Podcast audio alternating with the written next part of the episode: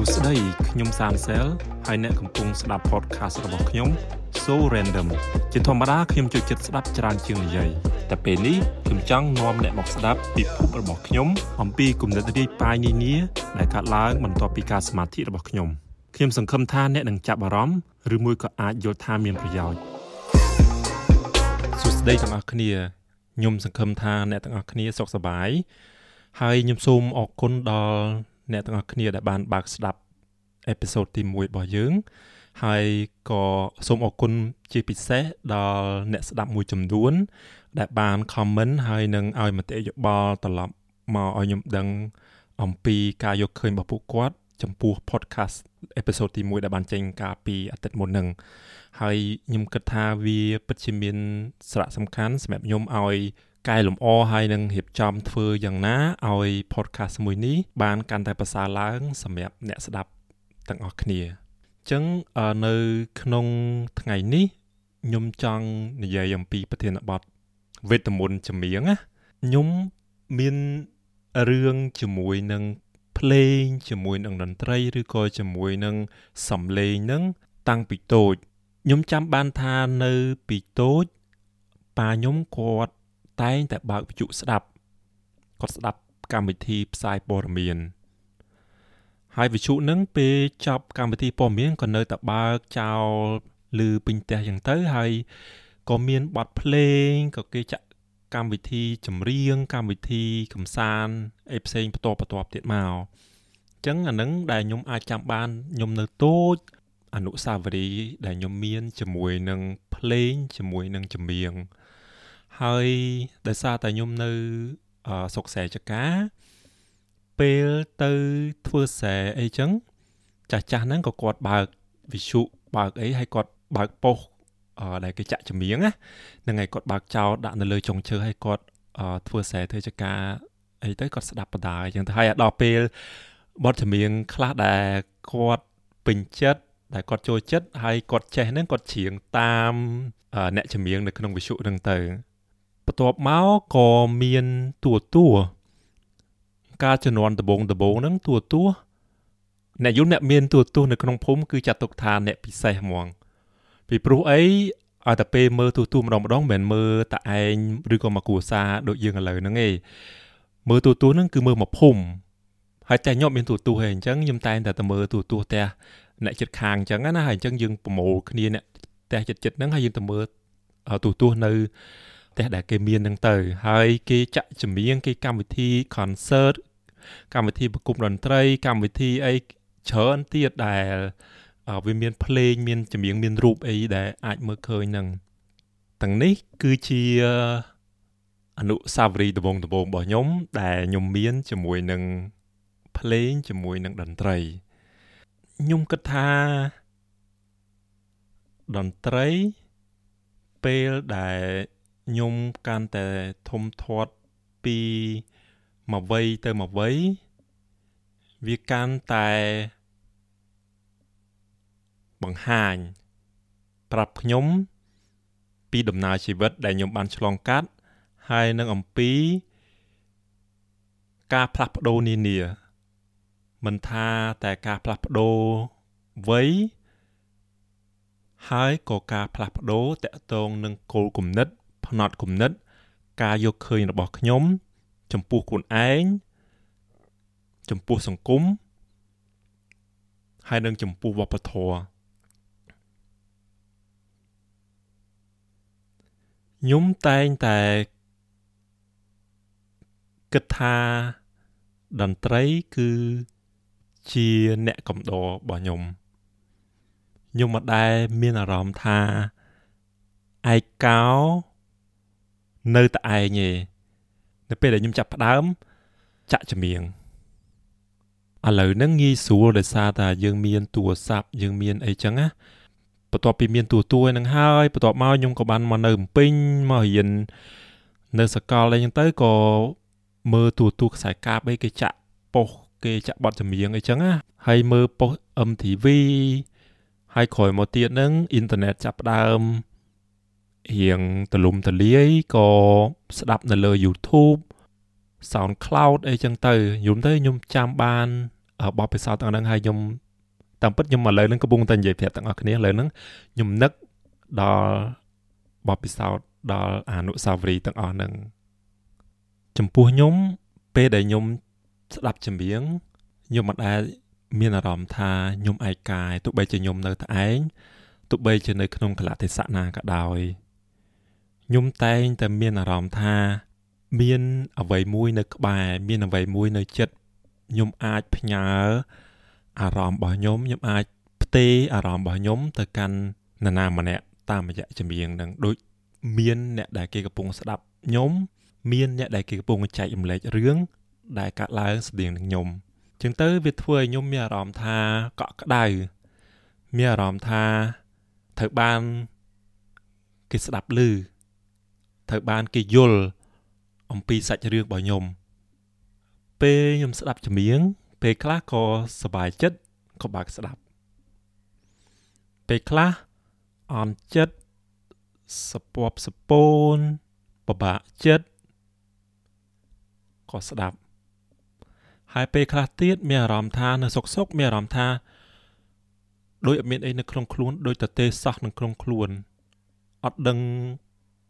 គោលដៅជីវិតនៅណាទិសដៅនៅណាកោះត្រោយនៅណាក្នុងជីវិតក៏ខ្ញុំស្ដាប់ចម្រៀងពេលចុចស្ដាប់ហើយមានអារម្មណ៍ថា ពេលខ្លះកាន់តែសប្បាយខ្លាំង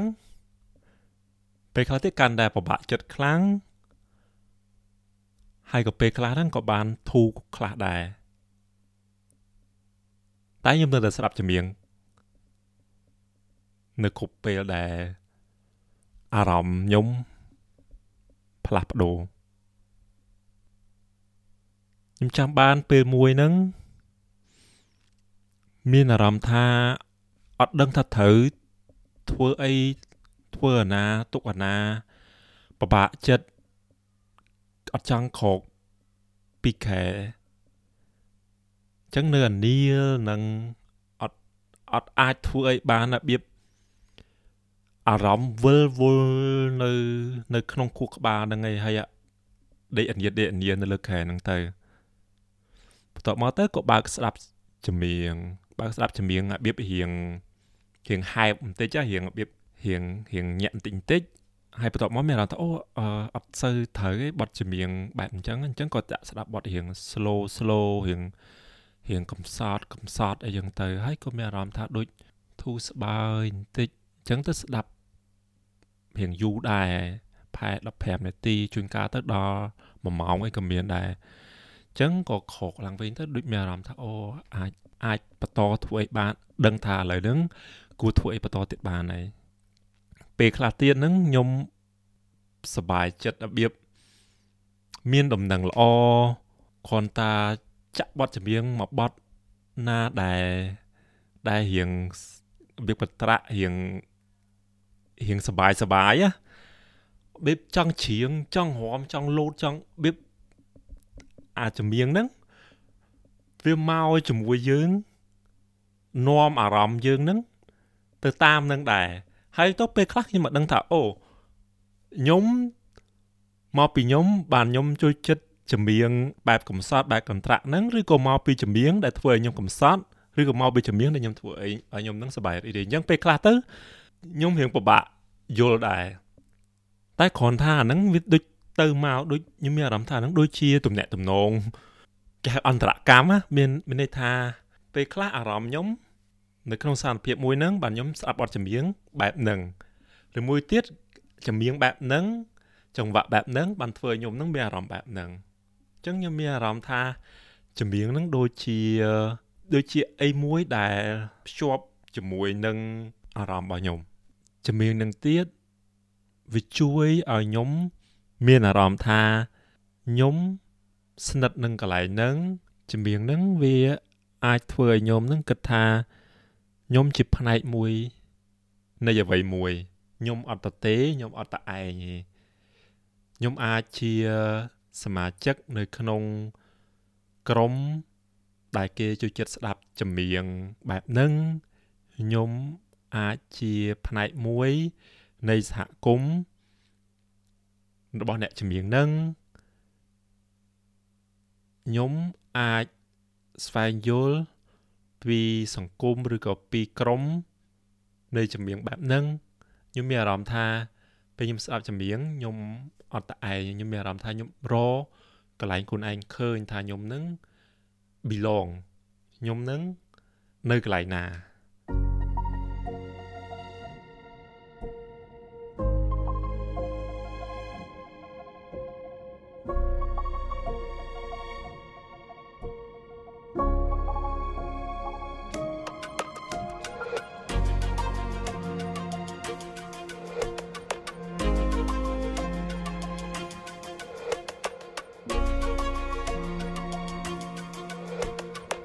ចម្រៀងហ្នឹង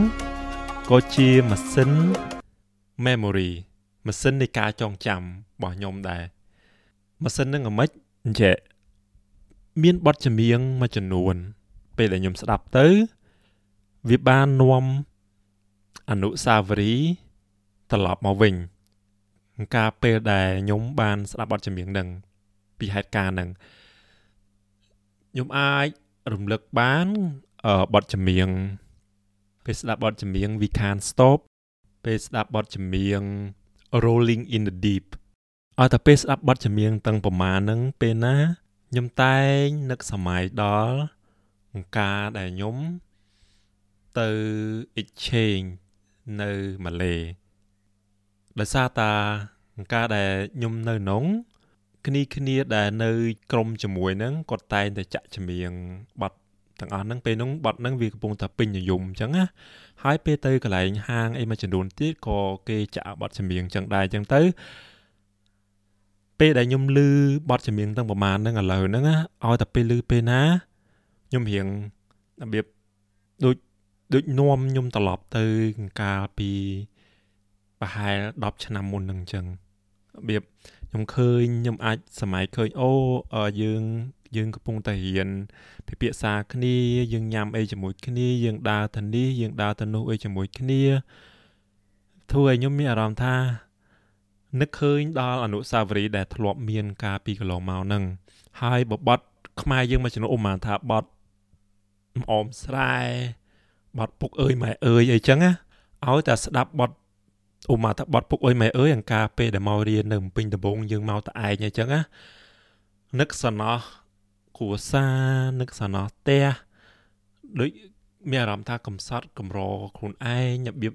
តំងតំយខ្លួនឯងរបៀបប៉ុន្តែបទចម្រៀងហ្នឹងយើងធ្វើឲ្យយើងគិតថាអូយើងមកឆ្ងាយពីផ្ទះហ្នឹងគឺយើងមកខំផឹងប្រែងដើម្បីខ្លួនឯងផងដើម្បីគ្រួសារជួយម្ដាយពុកយើងអីផងអញ្ចឹងអញ្ចឹងឲ្យតែលឺបទចម្រៀងហ្នឹងខ្ញុំនឹកឃើញកាលពីពេលដែលខ្ញុំមកអំពេញដំបងដំបងហ្នឹង ពេលដែលការនោះដែលស្ដាប់ហ្នឹងគឺបៀបរៀងធ្វើអន្ថករៀងចង់អ៊ូដាំកអីដែលសារយើងគិតថាបទចម្រៀងហ្នឹងវាត្រូវនឹងសាច់រឿងរបស់យើងអញ្ចឹងខ្ញុំមិនដឹងថាទាំងអស់គ្នា មានបទពិសោធន៍អីមិនខ្លះជាមួយនឹងភ្លេងជាមួយនឹងចម្រៀងឯណាអាចចែករំលែកឲ្យបានដឹងផង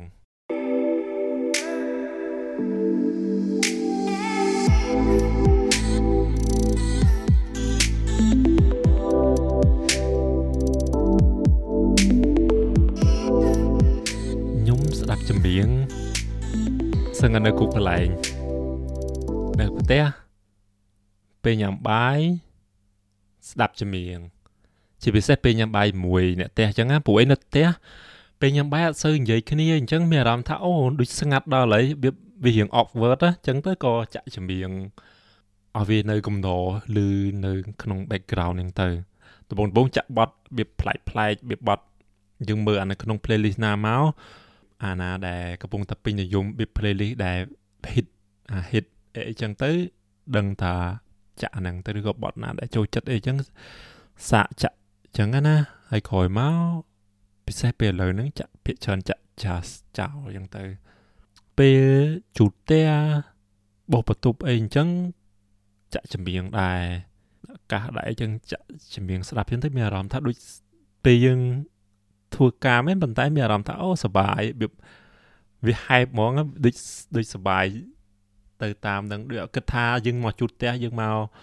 បោះសម្អាតអីទេ មានអារម្មណ៍ថាដូចសបាយតាមនឹងដែរបត់ចម្រៀងអញ្ចឹងណាហើយពេលនៅធ្វើការរៀនអីក៏ចាក់ចម្រៀងស្ដាប់ចម្រៀងពេលធ្វើការនឹងរៀនហ្នឹងតាមពេលដែរអត់រហូតទេពេលខ្លះត្រូវការចម្រៀងមិនបានធ្វើការកើត រៀនកើត តែពេលខ្លះទៀតអត់អាចស្ដាប់បានទេវាអាចរំខានវិញអញ្ចឹងណាអញ្ចឹងបងក៏ខ្ញុំគាត់ថាអូព្រោះពេលខ្លះឃើញគេតតាបើឃើញគេ អ្នកខ្លះគេត្រូវការចម្រៀងមិនបានធ្វើការកើតរៀនកើតអញ្ចឹងត្រូវគេត្រូវបើកអីរហូតតែបើខ្ញុំខ្ញុំអត់អញ្ចឹងទេហើយទៅខ្ញុំឆ្ងល់ចំណុចហ្នឹងបន្ទាប់មកខ្ញុំបានចូលរៀននៅ Coursera វគ្គហ្នឹងគេហៅ learning how to learn របៀបរៀនអំពីរបៀបរៀនអ្នកគ្រូហ្នឹងគាត់បានប្រាប់ថាគ្រូក្បាលយើងហ្នឹងមានប្រព័ន្ធចងចាំពីរមានអា diffuse mode ហើយនិង focus mode អញ្ចឹងប្រហែលជាខ្ញុំអឺវាអញ្ចឹងវាប្រហែលជាតកតងជាមួយខ្ញុំពេលដែលខ្ញុំធ្វើការងាររបៀបរៀងធ្វើការការផ្ចង់អារម្មណ៍ខ្លាំង អា focus mode ហ្នឹងខ្ញុំអត់ត្រូវការតន្ត្រីទេតែបើសិនជាការងារខ្លះទៀតដូចការងារ creative ការងារច្នៃប្រឌិតអីច្រើនអញ្ចឹងអាហ្នឹងខ្ញុំត្រូវការចម្រៀងមកជួយកំដរបែបអានេះ view smooth ហ្នឹងណា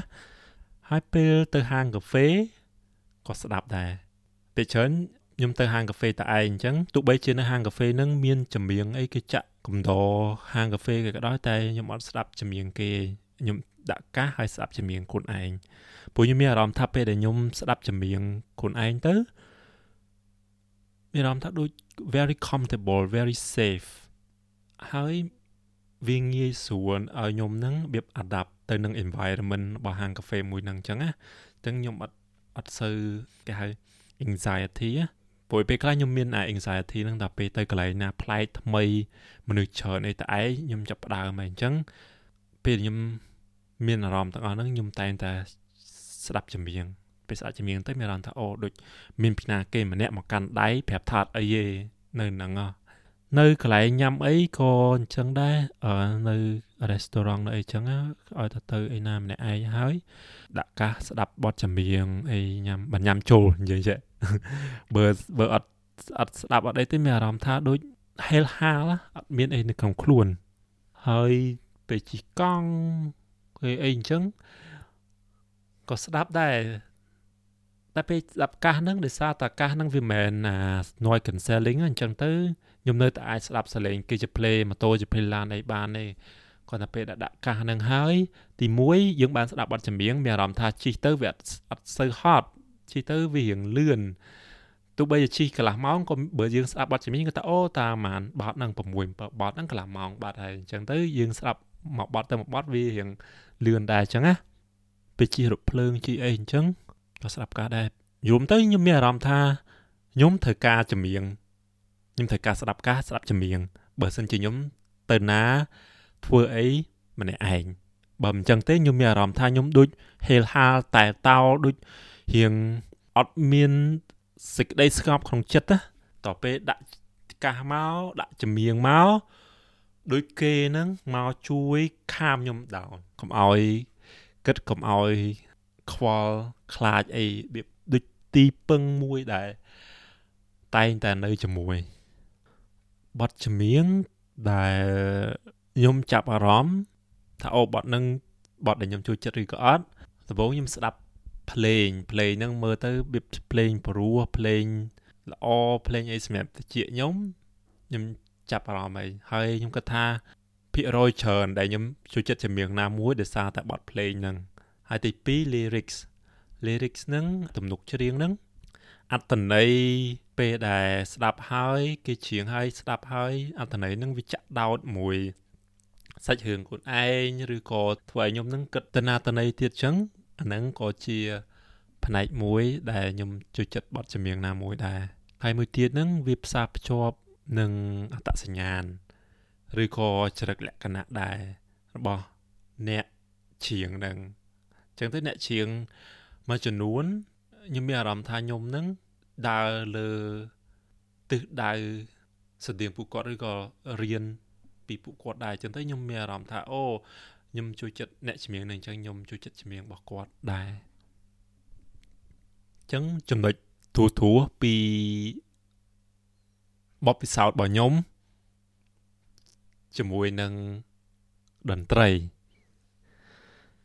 ហើយក៏ខ្ញុំចាប់ផ្ដើម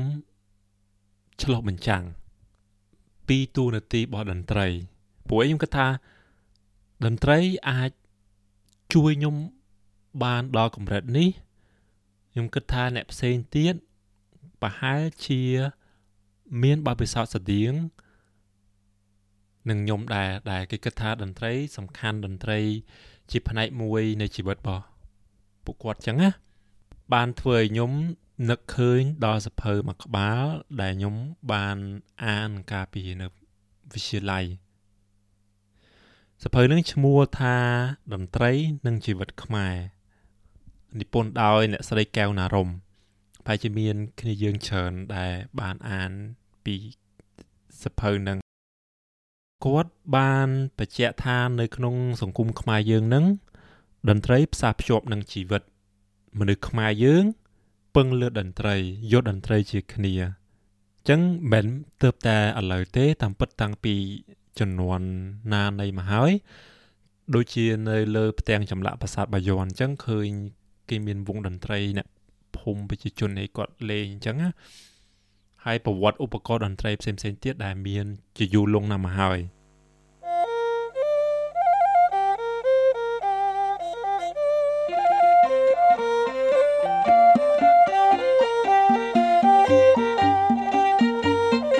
មនុស្សខ្មែរតែងយកតន្ត្រីមកកំដរមកអមនៅគ្រប់កលៈទេសៈនៃដំណើរជីវិតមនុស្ស ចឹងជាឧទាហរណ៍ដូចពេលដែលមនុស្សកើតមកគេមានពិធីណាមួយអញ្ចឹងទៅ គេយកភ្លេងនោះមកកំដរទីរូបដែលកើតនឹងហើយពេលដល់កូននឹងគាត់ធំដឹងក្តីយើងមានរបៀបពិធីចូលមលូបឬក៏បំបួសនេះអីហ្នឹងគឺមានភ្លេងកំដរនៅក្នុងពិធីហ្នឹង តើកូននឹងមានគូសកលអីហើយ ពេលពិធីមង្គលការហ្នឹងយើងដឹងហើយថាភ្លេងការភ្លេងអីអញ្ចឹងលេងកំដរពិធីហ្នឹងហើយពេលដល់មនុស្សចាស់ជរាយើងមានបុណ្យដូចបុណ្យចម្រើនបជនបុណ្យសង្កទានអីហ្នឹងយើងមានភ្លេងលេងកំដរបននឹងទៀតរហូតដល់មនុស្សអស់អាយុចែកឋានទៅពេលបនសពយើងមានភ្លេងសម្រាប់ អមដំណើរមនុស្សពេលគាត់ស្លាប់នឹងទៀតអញ្ចឹងក្នុងដំណើរជីវិតរបស់មនុស្សខ្មែរយើងនឹងតែងតែមានតន្ត្រីនៅតាមជាប់ជានិច្ចបន្ថែមពីនេះតន្ត្រីដើរតួនាទីសំខាន់នៅក្នុងផ្លូវសាសនាតន្ត្រីជាអ្នកនាំសាររវាងមនុស្សហើយនិងអតិថិជនអញ្ចឹងមុនពេលដែល វិទ្យាសាស្ត្ររីកចម្រើន មុនពេលដែលវិទ្យាសាស្ត្រពេទ្យរីកចម្រើនហ្នឹងប្រជាជនជឿហើយនឹងទុកចិត្តនៅលើអតិថិជនដែលគេគិតថាអតិថិជនអាចជួយព្យាបាលជួយសង្គ្រោះជីវិតបានអញ្ចឹងហើយនៅពេលដែលមនុស្សមានជំងឺពីណាគេនៅក្នុងផ្ទះនឹងមានជំងឺឬក៏ខ្លួនឯងមានជំងឺតែងធ្វើពិធីបន់ស្រន់អមដោយ ការប្រគំបទភ្លេងតន្ត្រីនឹងថ្វាយអតិថេពនឹងដូចជាដង្វាយមិនត្រឹមតែជាមហូបសាច់ទេប៉ុន្តែភ្លេងក៏ជាដង្វាយដែរដើម្បីសុំឲ្យអតិថេពនឹងមកព្យាបាលជំងឺនឹងអស់ពីខ្លួនឲ្យជាដូចដើមអីចឹងទៅហើយភ្លេងនឹងក៏ជាវត្ថុដើម្បីលាបំណន់នឹកនៅពេលដែលសុំបួងសួងប្រាថ្នាអីមួយហ្នឹងគឺពេលដែលបានសម្រេច ថ្វាយសំណែនហ្នឹងគឺមានភ្លេងដើម្បីថ្វាយលាបំណន់ហ្នឹងដែរហើយបើតាមកសិកម្មវិញ ពេលចិត្តដល់ខែធ្វើសេចកាហ្នឹងយើងមានពិធីបួងសួងសុំទឹកភ្លៀងហើយមានភ្លេងកំដរថ្វាយអតិទេពហ្នឹងហើយហើយពេលជ្រុលកាត់ហើយធ្វើចកាធ្វើអីហើយ យើងមានអាពិធីដូចបុណ្យភូមិអញ្ចឹងនៅតាមភូមិហ្នឹងបុណ្យបុណ្យភូមិបុណ្យដាលៀនណាអ្នកភូមិហ្នឹងប្រមូលស្រូវម្នាក់មកល្អីមកដាក់ពូនភ្នំឬក៏មានបន្លែបកាយដែលនៅចកាខ្លួនឯងណាំបានហ្នឹងយកមកប្រមូលដាក់ម្ដុំហើយយើងធ្វើពិធីអបអរពេលដែលរៀបចំប្រមូលផលនឹងហើយហើយពេលខ្លះបទភ្លេងនឹងទាំងអស់ហ្នឹងជួយសុំសេចក្តីសុខ ឲ្យបានសេចក្តីសុខទាំងអស់គ្នានៅក្នុងគ្រួសារអានឹងតាមផ្នែកប្រពៃណីអំពីទូនាទីរបស់តន្ត្រីអញ្ចឹងក៏ខ្ញុំចាប់អារម្មណ៍ស្រាវជ្រាវបន្ថែមអំពីវិទ្យាសាស្ត្រតន្ត្រីម្ដង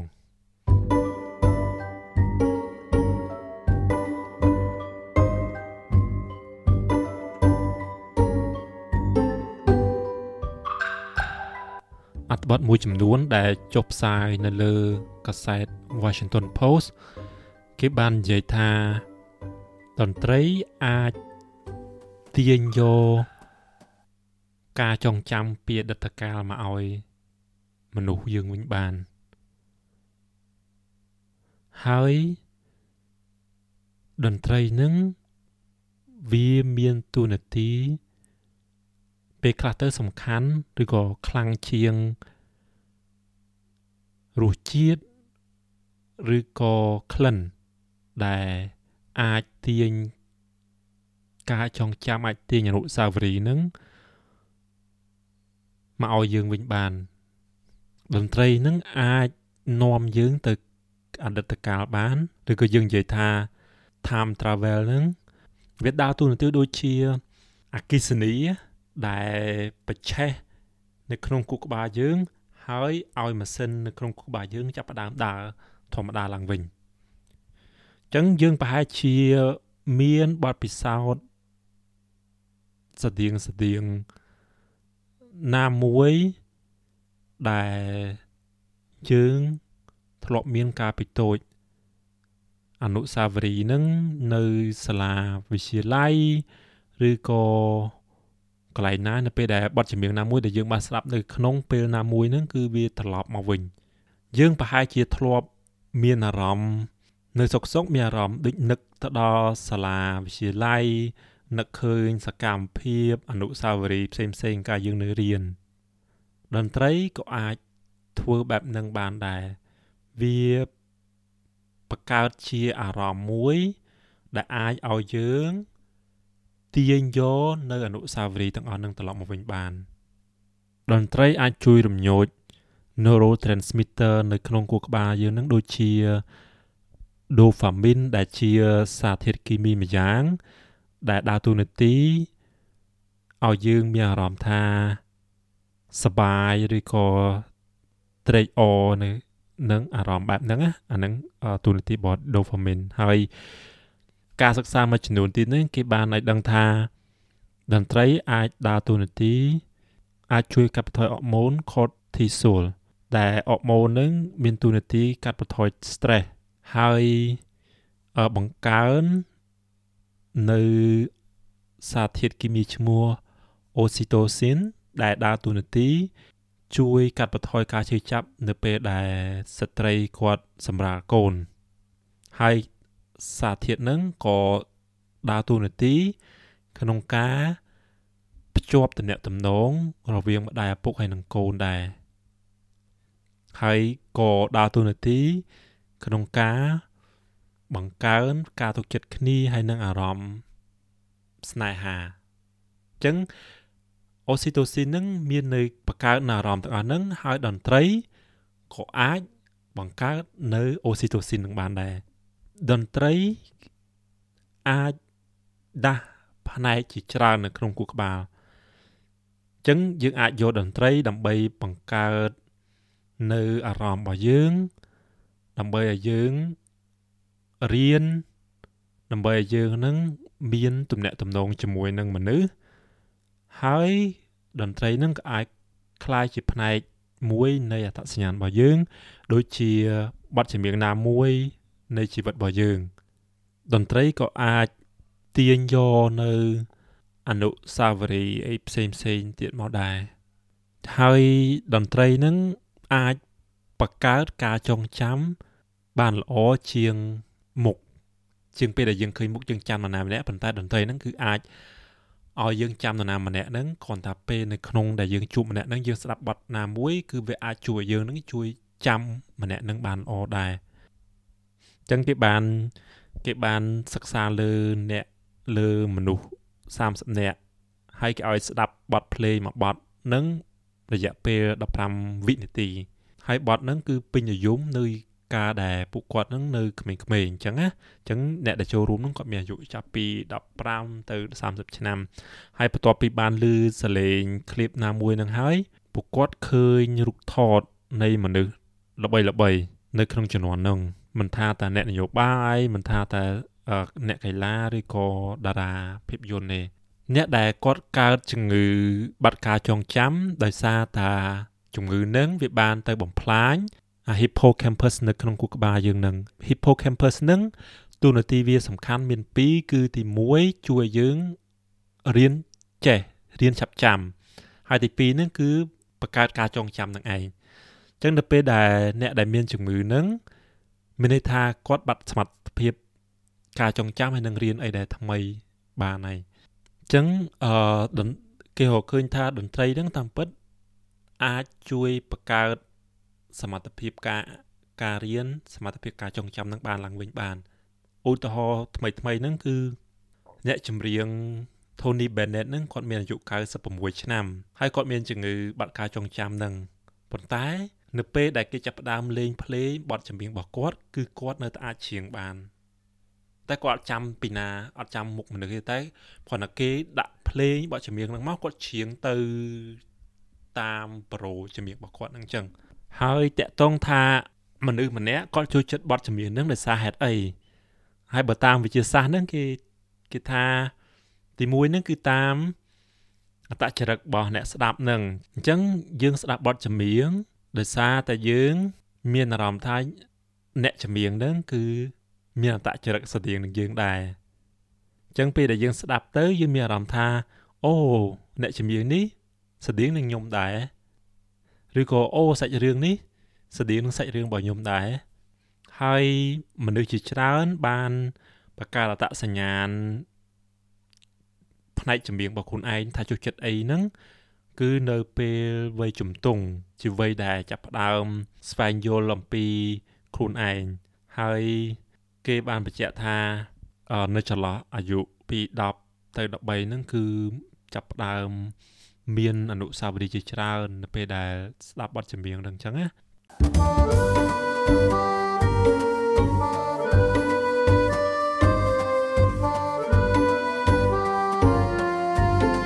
នៅក្នុងតំបន់ អាមេរិកឡាទីន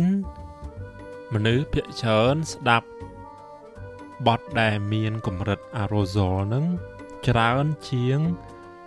អ្នកនៅតំបន់ផ្សេងទៀតហើយនៅក្នុងតំបន់អាស៊ីមនុស្សភាគច្រើនស្ដាប់បទដែល relax ស្ដាប់បទដែលរៀង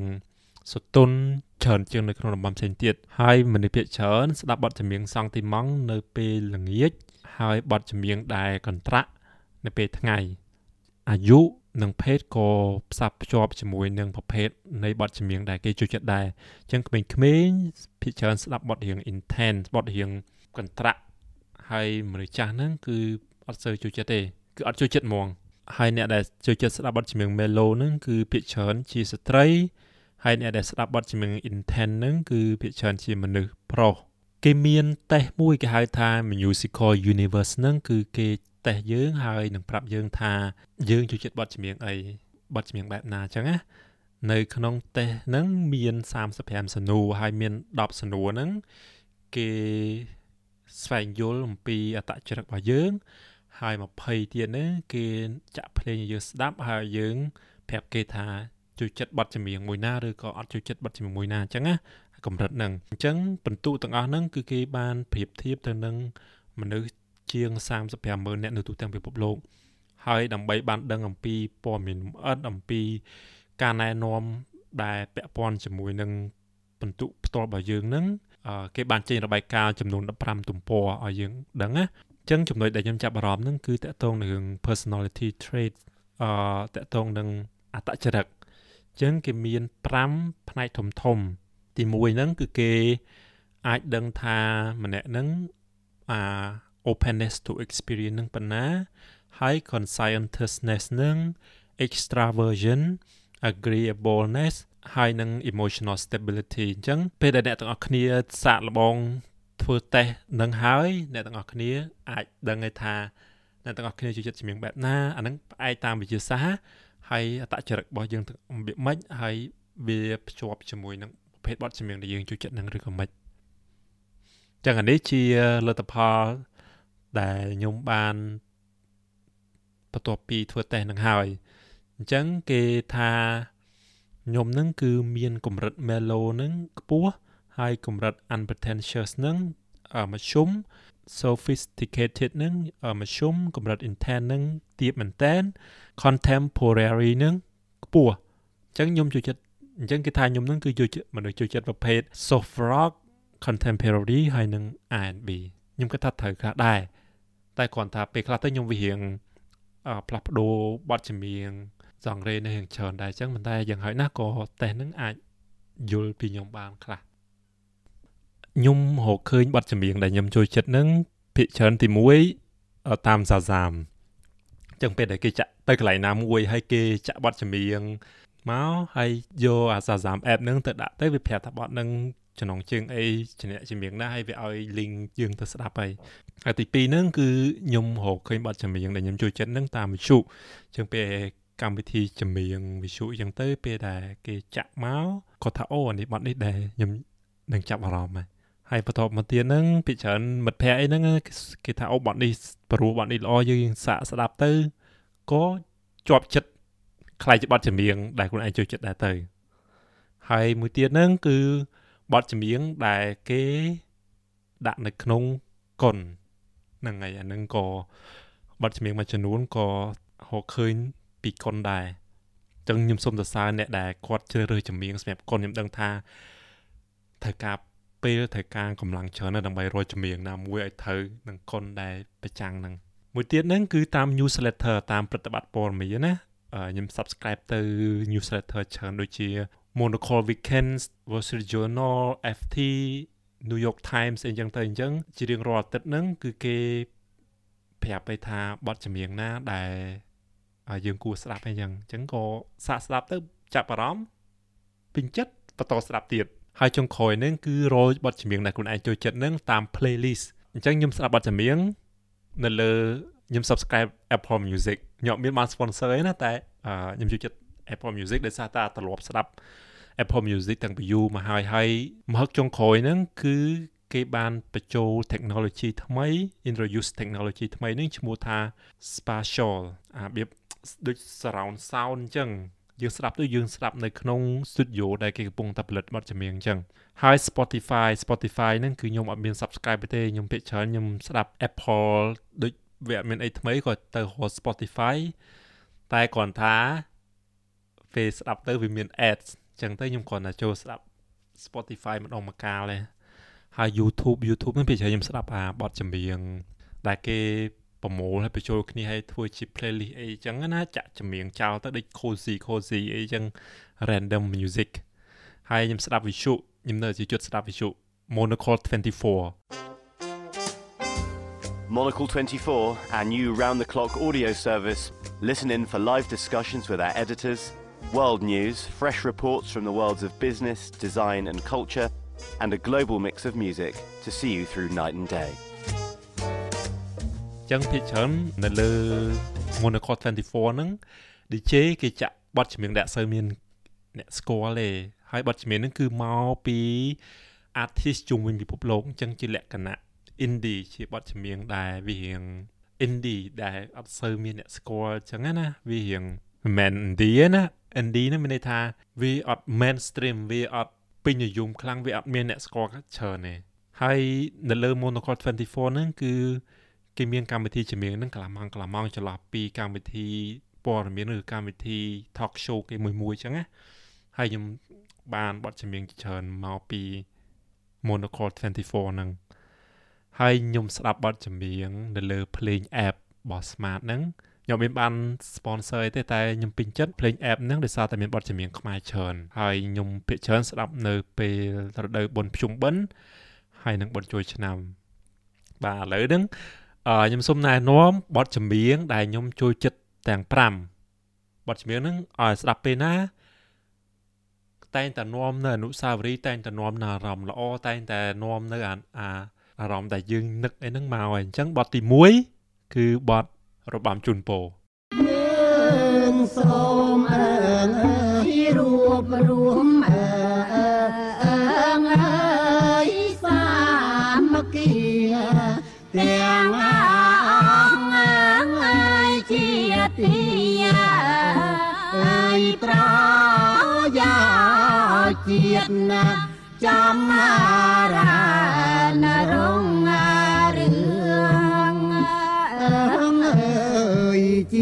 ក្រុមញៀនសាកោប្រងព្រៀត